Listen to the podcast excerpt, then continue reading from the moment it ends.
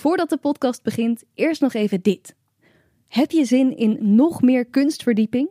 In de podcast Spring in het Diepe van Internationaal Theater en Dansfestival Spring in Utrecht gaat kunstjournalist Luc Hezen in gesprek met buitenlandse makers die op het festival staan. Met onder andere Deense choreografe Mette Ingvartsen over de knaldrang die we nu na de eenzame lockdownjaren hebben. En met de Nederlandse Ezra Veldhuis en Vlaamse Bosse Provoost over hoe ze met rook, licht en scenografie de theaterzaal tot leven laten komen. Luister nu mee via je favoriete podcast-app of springutrecht.nl. Ready to have some fun? Let's do it. Hoi allemaal en welkom bij weer een nieuwe aflevering van De Makers. Ik ben Diede Vonk, zangeres en actrice. En sinds ik ook zelfstandig muziek en theater ben gaan maken, merkte ik net als veel van mijn collega-makers dat ik tegen een aantal dingen aanliep. Vragen als hoe krijg je je werk aan de man? Hoe hou ik mezelf productief? En wat doe ik als ik even geen inspiratie heb? Daarom ben ik deze podcast begonnen, waarin ik elke week een inspirerende maker interview en vraag om tips. Een solo-podcast over focus en productiviteit. Oh, de ironie. Terwijl ik dit schrijf is het 6 uur s avonds op vrijdagmiddag. Het moment dat je net lekker aan de vrijdagmiddagborrel wil zitten, maar ik zit achter mijn laptop omdat ik de hele middag weer heb zitten uitstellen om dit af te schrijven. Of eigenlijk misschien wel de hele week.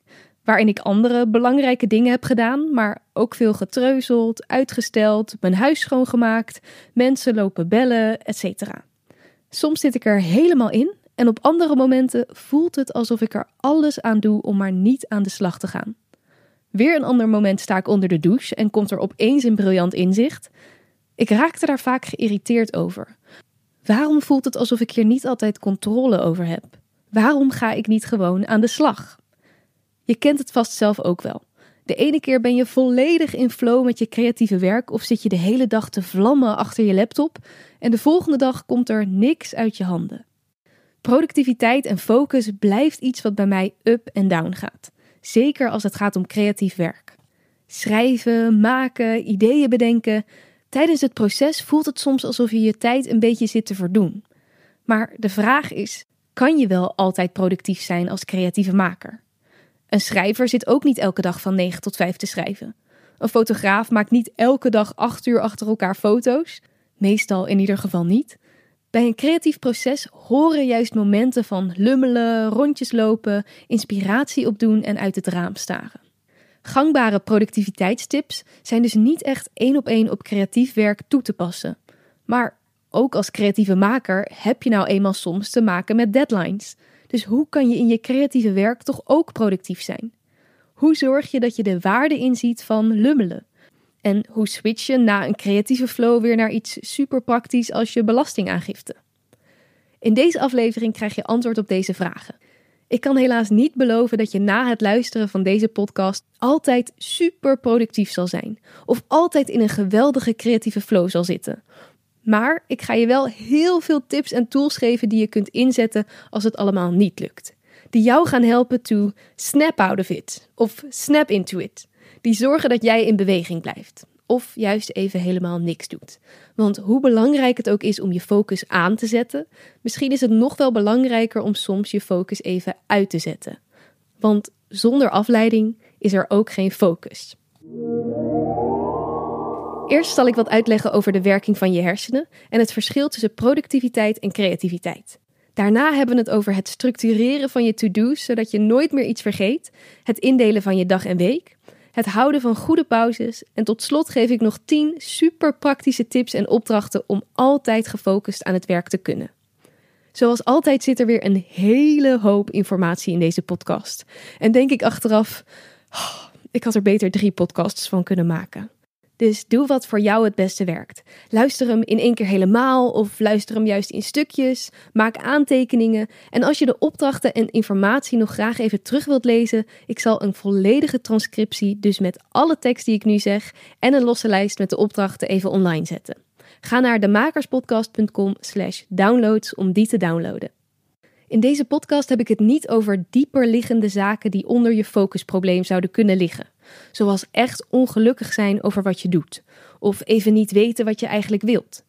Daar heb ik het wel over in aflevering 68, de solo-podcast over creatieve blokkades, en in aflevering 117, waar we uitzoeken wat jouw visie is en jouw kernwaarden zijn. In aflevering 75 heb ik het over iets wat vaak nog voor focus ligt: weerstand. Hoe zorg je dat je überhaupt begint en de weerstand tegen aan het werk gaan overwint? Wat er wel in deze aflevering zit, zijn rammend veel tips om beter geconcentreerd en gefocust te zijn. Om je brein zo te gebruiken dat hij voor je werkt en niet tegen je. Deze podcast heb ik samengesteld naar aanleiding van de lessen die ik leerde uit de boeken Grip van Rick Pastoor en Focus aan, Focus uit van Mark Tichelaar. Als ik dus stellig iets vertel over je hersencapaciteit of de beste manieren om je week in te delen, heb ik dit niet allemaal zelf bedacht. Maar dat komt dan uit die boeken. Allebei trouwens echt aanraders. Ik zal er even naar linken in de show notes. Laten we beginnen met het vaststellen van het verschil tussen creativiteit en productiviteit. Dit was voor mij namelijk echt een eye-opener omdat ik het soms lastig vind om gefocust aan het werk te gaan en te blijven, ging ik op zoek naar manieren om productiever te zijn. Maar vaak had dit een tegengesteld effect. Het maakte me helemaal niet productiever, maar werkte me juist tegen. Want veel typische productiviteitstips zijn helemaal niet handig of van toepassing bij creatief werk. Een hele bekende methode is bijvoorbeeld de Pomodoro-methode. Hierbij zet je een wekker van 25 minuten. In deze 25 minuten ga je gefocust bezig met je taak. Dan gaat een wekker, hou je 5 minuten pauze en daarna ga je weer verder. Dit werkt hartstikke goed bij een administratieve taak of iets als facturen sturen of simpele mails beantwoorden. Maar ga je dit doen bij een repetitie voor een voorstelling of het uitwerken van een creatief plan, is dit natuurlijk totaal onproductief. Je zit er net lekker in en vervolgens gaat die wekker weer. En als je dan die pauze gaat houden, moet je daarna weer helemaal opnieuw in flow komen. Omdat ik hier tegenaan liep, was ik heel blij om iets meer te weten over de werking van onze hersenen als het gaat om creativiteit en productiviteit. In het boek Focus aan, Focus uit legt Mark Tichelaar uit waarom je nooit productiviteitstips één op één kunt toepassen op creatief werk. Hij gaat zelfs nog een stap verder. Volgens hem zijn productiviteit en creativiteit elkaars tegenpolen. Het creatieve gebied in ons brein dat zich bezighoudt met het bedenken van nieuwe ideeën, wordt namelijk geactiveerd wanneer we ontfocussen. Dus niet als we focussen. Dat is op zich heel logisch. Als je gefocust met een hele concrete taak bezig bent, wil je niet telkens worden afgeleid door nieuwe ideeën die in je opkomen. Deze komen juist naar boven in een moment van weinig focus. Als je in de douche staat of op de fiets zit. Dus alles wat je gewend bent om te doen voor meer productiviteit, lekker efficiënt werken, deadlines, koffie drinken, verlaagt je creativiteit. Productiviteit wordt vaak verheerlijkt, maar de prijs is een verlaagde creativiteit. Vraag je eens af: welke van de twee is in jouw werk belangrijker? Als je iets nieuws wilt bedenken, iets creatiefs wilt doen, ga dan niet van 9 tot 5 achter je bureau zitten. Alles wat je in onze westerse definitie juist niet productief maakt, dagdromen, een ommetje maken, maakt je wel creatief. Dus zorg dat je dat doet. Oké, dit klinkt goed te doen, maar vaak is het proces van iets maken niet alleen creatief of alleen productief. Als je bijvoorbeeld een boek wil schrijven, wil je daar ook gewoon productief en steady mee aan de slag kunnen. Gelukkig kan dit ook. Eerder in een solo-podcast heb ik het gehad over het verschil tussen open aandacht en gerichte aandacht. Bij open aandacht sta je open om nieuwe dingen te bedenken, creatieve verbanden te zien, nieuwe prikkels op te doen. En bij gerichte aandacht ben je juist helemaal gericht op één ding. Dit is eigenlijk hetzelfde als creativiteit versus focus. Als je creatief bent, sta je open. Als je gefocust bent, richt je je aandacht op één plek. In een creatief proces zal je dus ook tussen deze twee schakelen. Bij het schrijven van een boek ga je bijvoorbeeld vaak eerst vooronderzoek doen. Dit vereist gerichte aandacht en focus. Daarna ga je nieuwe dingen bedenken en misschien onderzoeken verbinden. Dit vergt open aandacht en creativiteit. Daarna schrijf je de tekst op. Dit vergt weer gerichte aandacht. Zodra je dit verschil begrijpt, kan je meer sturen op wanneer je welke focus in wil zetten en krijg je meer grip op je brein. Daarover zometeen meer. Eerst wil ik het nog even over iets anders hebben. Wat ik wel eens merk bij mezelf en bij andere makers, is dat je na een dag creatief werk je soms wel eens onvoldaan voelt. Alsof je niet echt iets hebt bereikt. Productiviteit is namelijk heel meetbaar, creativiteit niet. Je kunt het niet timen. De voortgang van een creatief proces is lang niet altijd zichtbaar. Maar ook als je het niet ziet, onbewust onder de oppervlakte gebeurt er vaak heel veel. Creativiteit is dus niet in uren te vangen. Sommige briljante nummers zijn in een kwartiertje geschreven. Maar hieronder ligt uiteraard vele uren ervaring, geploeter en teksten en melodieën die het allemaal niet zijn geworden. Die zijn de bodem voor dat nummer dat wel lukt, dat er opeens zomaar uitvliegt. Dus die niet gelukte nummers zijn net zo belangrijk voor het proces. Ik hoop dat je dat onthoudt na een dag gefrustreerd zijn als iets niet helemaal is gelukt. Weet dan dat het juist wel gelukt is. Je bent op de goede weg en je werk is zeker niet voor niks geweest. Creativiteit de ruimte geven door te lummelen en te experimenteren vraagt lef en voelt onnatuurlijk in een wereld waar resultaat toch ook belangrijk is. Het voelt soms alsof je alleen voldoening mag voelen na keihard werken. Maar ik hoop dat je nu voor eens en voor altijd realiseert dat dit niet zo is. Want ook de groei van een bedrijf heeft vaak niet met productiviteit te maken, maar met creativiteit, met het denkwerk. Je zult vast wel eens gehoord hebben over het verschil tussen aan je business en in je business werken. In je business werken gaat over de dagelijkse taken, het werk dat je doet voor klanten, waar je voor wordt betaald. Aan je business werken gaat over creatief nadenken over strategie, visie en toekomstplannen. Dit is dus ook weer productiviteit tegenover creativiteit. Je wordt niet succesvoller als je meer werk gaat doen. Je wordt succesvoller als je nadenkt over plannen op de lange termijn. En daar voel je dus niet altijd direct effect van, maar op de lange termijn is dit zoveel belangrijker. Oké, we hebben het verschil tussen productiviteit en creativiteit helder. Laten we aan de slag gaan. Hoe zorg je dat je als creatieve maker een beetje grip krijgt op je werk en week? Daar heb ik een shitload aan tips voor. Laten we beginnen met het elimineren van de open loop en het creëren van een extern brein. Dit klinkt lekker matrixy, maar is eigenlijk heel eenvoudig. Ken je dat gevoel dat je bezig bent met een belangrijk iets, maar ondertussen telkens wordt afgeleid door to-do's die je te binnen schieten? Die en die nog even bellen. Of niet vergeten dit zometeen mee te nemen van de supermarkt. Zulk soort kleine of grote taken waar je hersenen je aan blijven herinneren, heet een open loop. Wij mensen denken namelijk dat we een hele hoop kunnen onthouden. Dit is tot op zekere hoogte waar, maar gaat altijd ten koste van iets anders. Een open loop is een lijntje dat nog gesloten moet worden. Je hersenen weten dat ze je eraan moeten blijven herinneren. Door deze open loop gaan je hersenen in stalkermodus. Ze willen je helpen herinneren aan dit ene belangrijke ding, maar weten niet echt wat het handigste moment is om dit te doen. Dus doen ze het constant waardoor er voor allerlei andere zaken, zoals creatief denken en focus, geen of minder ruimte is in je hoofd. Hoe meer verschillende open loops in je hoofd, hoe meer stress je gedurende de dag gaat ervaren. Gelukkig is er een oplossing tegen deze stressverhogende stoorzenders. Want als jouw hersenen zeker weten dat iets of iemand jou gaat helpen herinneren aan deze taak, zullen ze stoppen met hun stalker-modus. Je hebt dus een soort tweede brein nodig, zodat je eigen brein bezig kan met het werk in het nu. Als al je open loops weg zijn, ontstaat er de ultieme stilte en ruimte in je hoofd voor de beste gedachten en creatief werk. Maar hoe creëer ik een tweede brein? Dat is eigenlijk heel simpel. Bewaar vanaf nu nooit, maar dan ook nooit meer iets in je hoofd. Net zoals je waarschijnlijk afspraken opschrijft in een agenda, maak je ook een takenlijst voor al die andere to-do's. En zorg dat je dit op één duidelijke plek bewaart.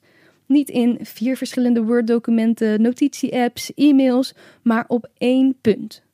Ik gebruik hier zelf de app Notion voor. Daar doe ik zo'n beetje alles in.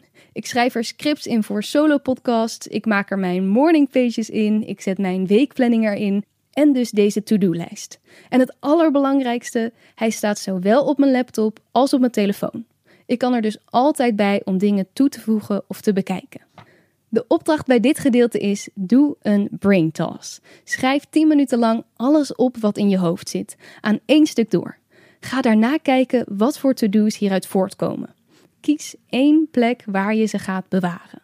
Dit klinkt veel simpeler dan het is en kan best even duren, maar hou je eraan vast. Dan wordt het vanzelf een gewoonte. Zometeen zal ik je iets meer vertellen over hoe je deze taken vervolgens kan gaan structureren, zodat je ze ook echt gaat doen. Nu je je to-do's op één plek en uit je hoofd hebt, kan je je week gaan indelen.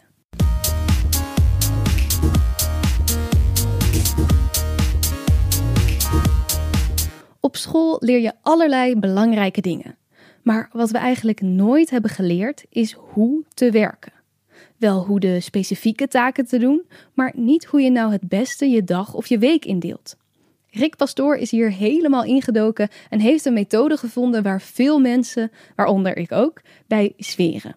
Een methode die je, de titel van het boek zegt het al, grip geeft op je week, je maand en je jaar. Een grote en belangrijke tip uit het boek Grip is het doen van een weekly review. In deze weekly review blik je terug op de week die geweest is en plan je de week die gaat komen in. Ik doe dit zelf vaak alleen, maar Rick raadt aan om dit samen met iemand te doen. Je hebt er maximaal een half uurtje voor nodig en het zorgt ervoor dat je met een gerust voorbij je week afsluit en je nieuwe week kan beginnen. Ik doe deze altijd op vrijdag of zondagmiddag. Laten we eerst kijken naar hoe je de aankomende week het beste in kan plannen. Schrijf uiteraard je belangrijke afspraken en deadlines op in je agenda. Daarnaast ga je een takenlijst maken waar echt alles op kan staan, zoals we dat in de vorige opdracht hebben gedaan. Van puntje puntje mailen tot factuur sturen, tot boodschappen doen, tot kaartjes kopen voor dat stuk. Het mag werkgerelateerd en privé. Zorg dat je deze taken duidelijk opschrijft en zorg dat er altijd een werkwoord in je taak zit. Schrijf dus niet op bezig met subsidieaanvraag, maar maak het helder. Schrijf bijvoorbeeld op bestuderen van de subsidievoorwaarden van Fonds Podiumkunsten. Dit is super concreet en het is gelijk duidelijk wat je moet doen. Bezig met subsidieaanvraag kan van alles zijn.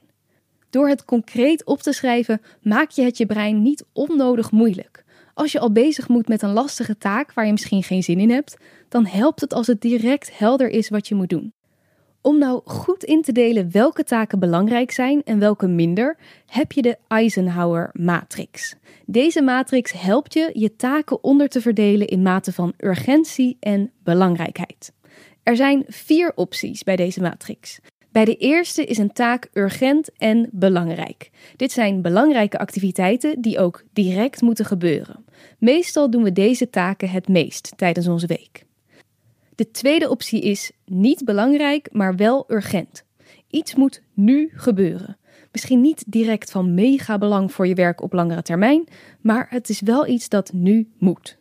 De derde optie is dat je taak niet urgent is en niet belangrijk.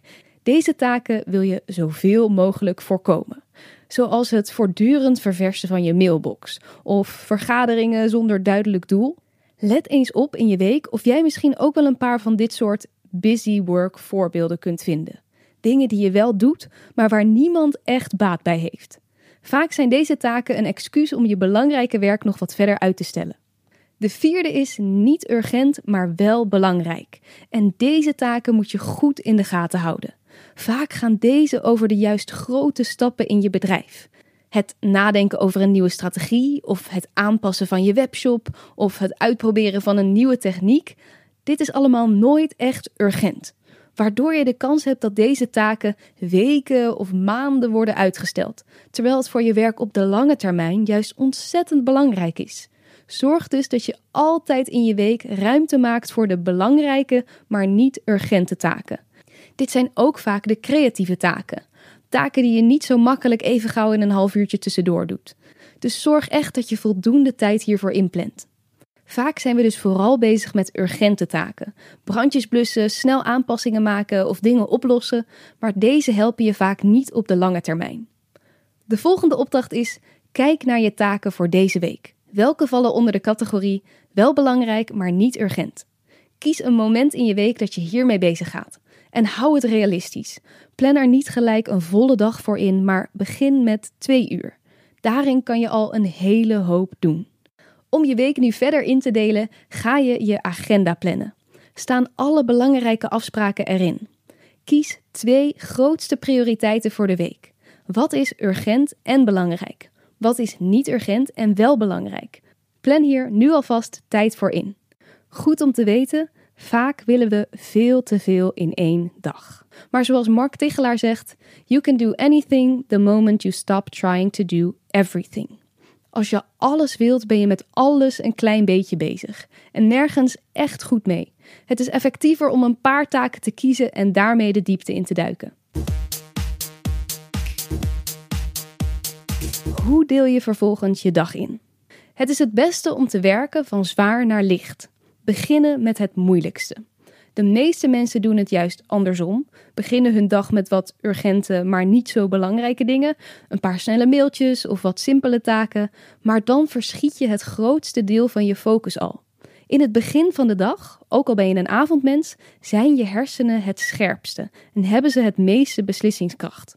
De meeste mensen doen het juist andersom beginnen hun dag met wat urgente, maar niet zo belangrijke dingen, een paar snelle mailtjes of wat simpele taken, maar dan verschiet je het grootste deel van je focus al. In het begin van de dag, ook al ben je een avondmens, zijn je hersenen het scherpste en hebben ze het meeste beslissingskracht. Gedurende de dag neemt je beslissingskracht af, omdat je tijdens de dag heel veel beslissingen hebt moeten maken, bewust of onbewust. Beslissingsvermoeidheid noem je dat.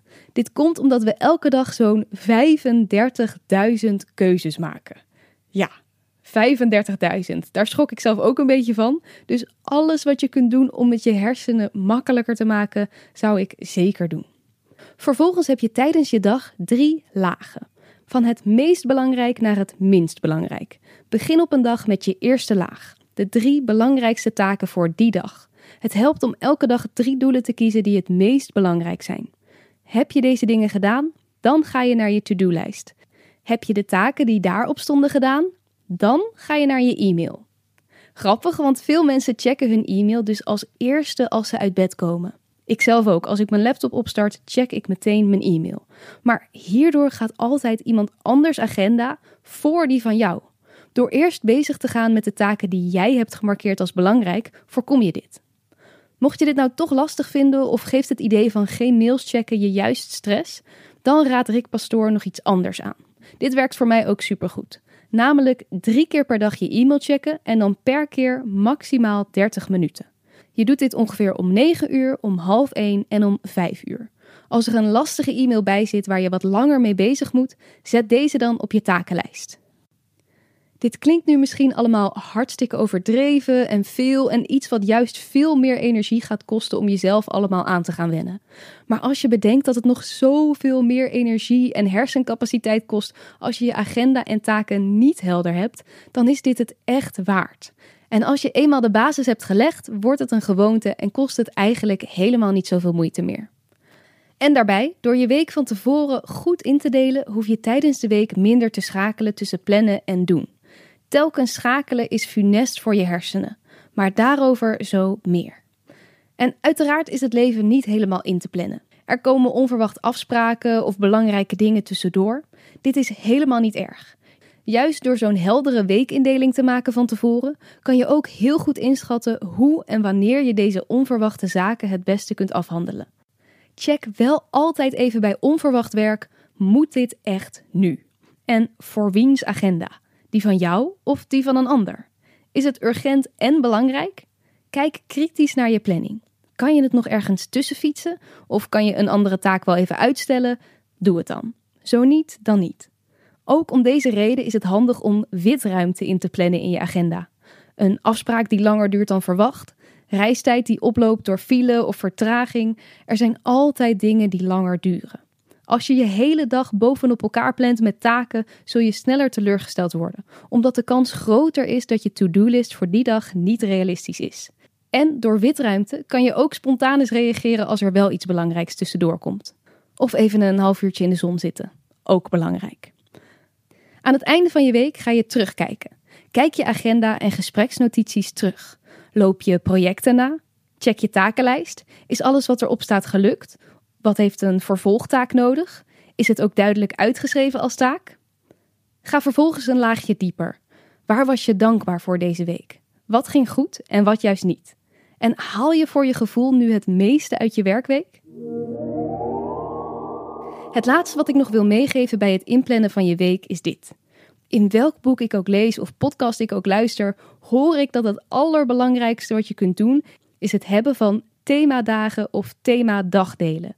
Hoe meer je hier gebruik van kunt maken, hoe beter. Kijk per dagdeel wat je gaat doen. Bijvoorbeeld dinsdag en donderdag schrijfochtend. Hoe meer je taken kunt bundelen, hoe meer rust, overzicht en controle. Het is killing voor je hersenen om de hele tijd te moeten switchen tussen verschillende soorten taken. Zeker bij creatief werk.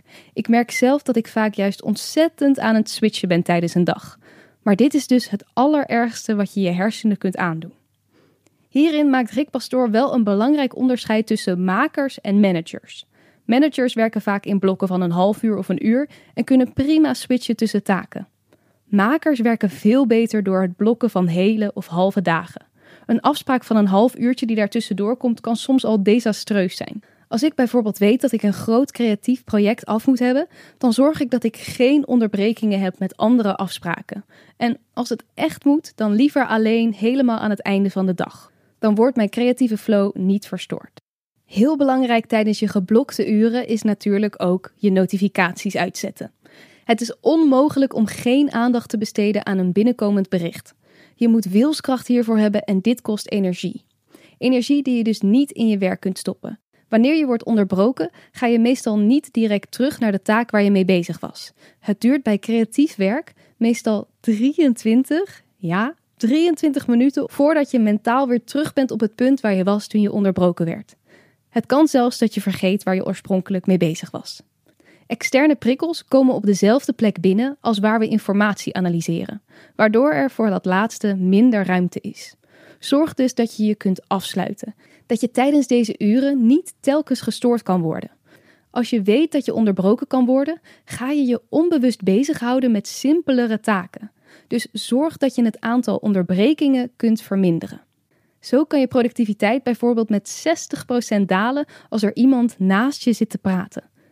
Ik vind de takenbundelen nog best wel lastig. Ik vind het saai om te lang met één ding bezig te gaan en laat me dan ook snel afleiden. Het volgende inzicht was voor mij dan ook een hele belangrijke. Want als je je laat afleiden, betekent dat ook vaak dat de taak die je doet te simpel is. Als je merkt dat je steeds afgeleid wordt, maak je werk dan ingewikkelder. Dwing jezelf sneller te lezen of op een eerder tijdstip klaar te zijn. Voor veel mensen helpt het ook al om tijdens het lezen of luisteren te bewegen, of juist iets vast te houden waar je mee kunt spelen. Dus leg de volgende keer bij een belangrijke Zoom-meeting eens een elastiekje of een paperclip naast je neer. Check of het je lukt om beter te focussen als je met die paperclip speelt. Bij mij werkt dit mega goed. Dan komen we nu bij het allerlaatste onderdeel van een goede werkdag. Goede pauzes. Het laatste stukje voordat ik jullie achterlaat met mijn 10 supertips voor concentratie. We hebben nu een aantal voorwaarden geschept die ervoor zorgen dat jij meer gefocust en geconcentreerd te werk kan gaan. Maar een mens kan niet de hele dag achter elkaar alleen maar gefocust zijn. Dat is gewoon niet zo. En als het wel zo is, is het aangetoond dat hoe langer je achter elkaar door focust, hoe minder creatief je bent. En ook hoe minder productief je uiteindelijk bent. Dit wordt ook wel de productiviteitsparadox genoemd.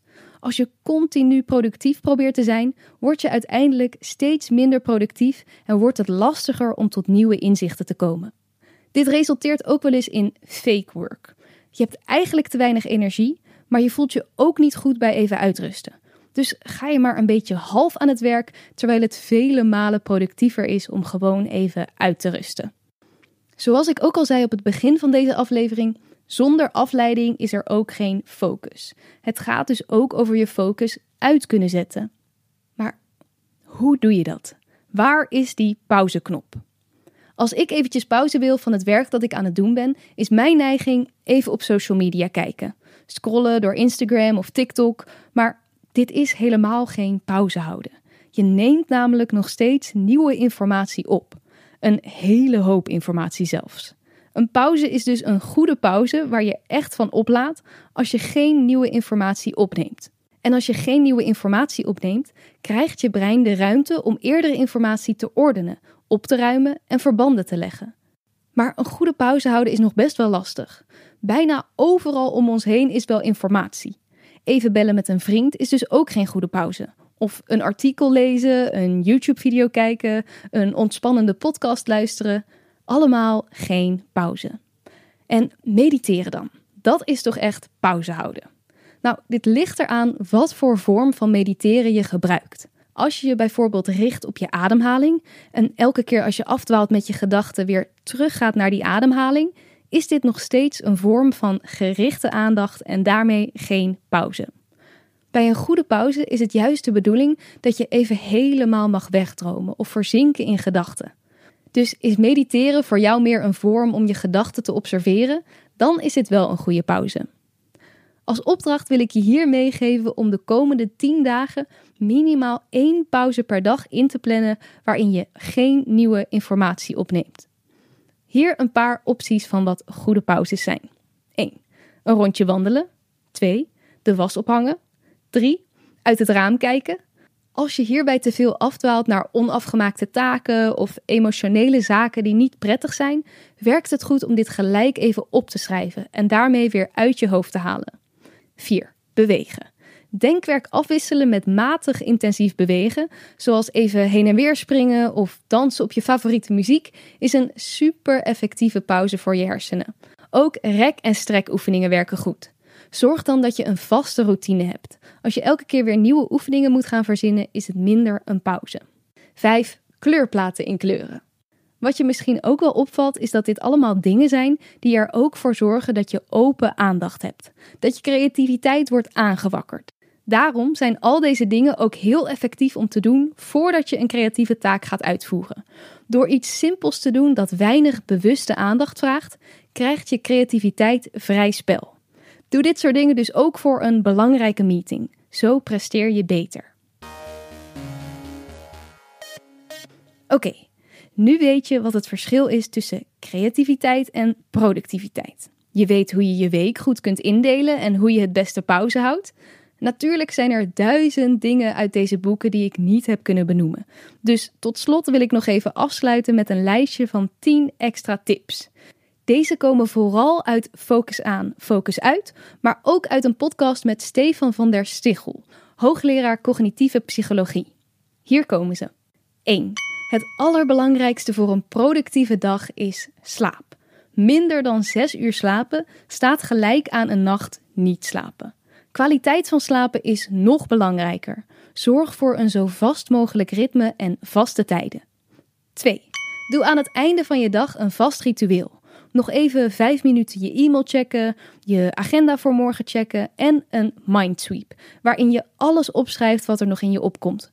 Mocht er dan toch nog een belangrijke taak oppoppen, schrijf hem op of plan hem gelijk in. 3. Heb je wel eens last van piekeren s'nachts? Ik in ieder geval wel. Dit komt omdat je brein niet helemaal wakker is. Je kan hierdoor minder relativeren en gaat malen. Als je voor het slapen gaan nog even wat dingen van je afschrijft, is dit al een heel stuk minder. 4. Tiny habits. Het is extreem moeilijk om je leefwijze in één keer helemaal om te gooien. Als je het af laat hangen van motivatie, gaat het waarschijnlijk niet lukken, want motivatie fluctueert. Probeer het liever via hele kleine stappen. Begin met één ding dagelijks aanpassen en pas als het echt een gewoonte is geworden, doe er dan nog iets bij. 5. Wat ook helpt bij nieuwe gewoontes is om de drempel zo laag mogelijk te maken. Wil je elke ochtend sporten? Leg je sportkleding dan naast je kussen. 6. Plan wat je belangrijk vindt in. Als jij het belangrijk vindt om dagelijks te mediteren, maar je doet het telkens niet, zorg dan dat je er een moment voor kiest en deze opschrijft in je agenda. Je planning is je boodschappenlijstje van de dingen die belangrijk zijn voor je. Want die heb je gemaakt toen je de tijd had om erover na te denken. 7. Als je thuis werkt, maak dan voordat je begint met werken een wandeling rondom je huis. Als je klaar bent met werken, doe je dit ook weer. Zo heb je tijd om de ene fase af te sluiten voor je de andere ingaat. Door te wandelen verwerk je wat ervoor is gebeurd. Oké, we zijn er bijna. Nummer 8. Als er een moment is waarop je emotioneel begint te worden en dit wil je niet, probeer dan eens extra analytisch te zijn. Dit geldt niet bij hele grote dingen, vooral bij kleine irritaties of spanningen. Bijvoorbeeld voor een belangrijke meeting of presentatie. Extra analytisch zijn doe je bijvoorbeeld door even te tellen.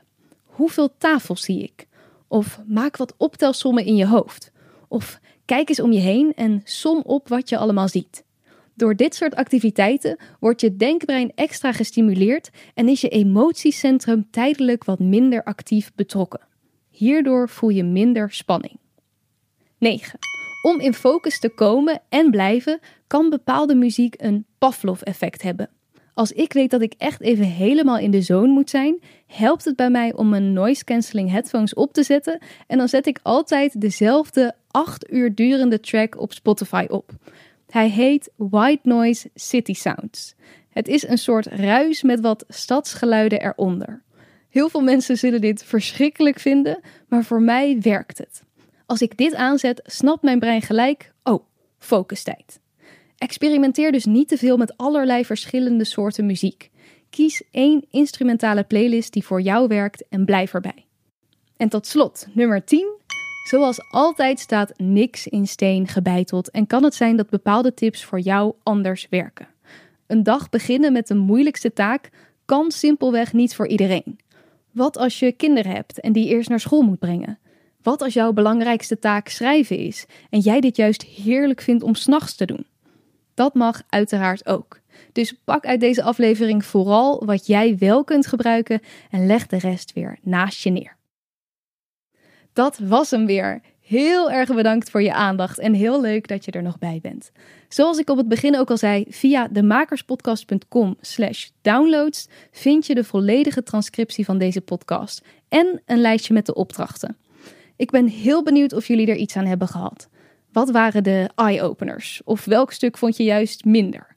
Laat het me weten. Op die manier kan ik ook jullie weer beter verder helpen. En daar gaat het uiteraard om. Tot de volgende keer! Vond je dit een leuk gesprek? Abonneer je dan op de podcast en volg de Makerspodcast op Instagram en Facebook. Delen of een recensie achterlaten is super fijn en laat het me vooral weten als er gasten of vragen zijn die je graag terug hoort in de podcast. Volgende keer staat er weer een bijzondere, inspirerende nieuwe aflevering voor je klaar. Deze podcast werd gemaakt door mij, Diede Vonk. De mixage is door Sonja Vos en de muziek is van David Schwartz. Tot volgende keer!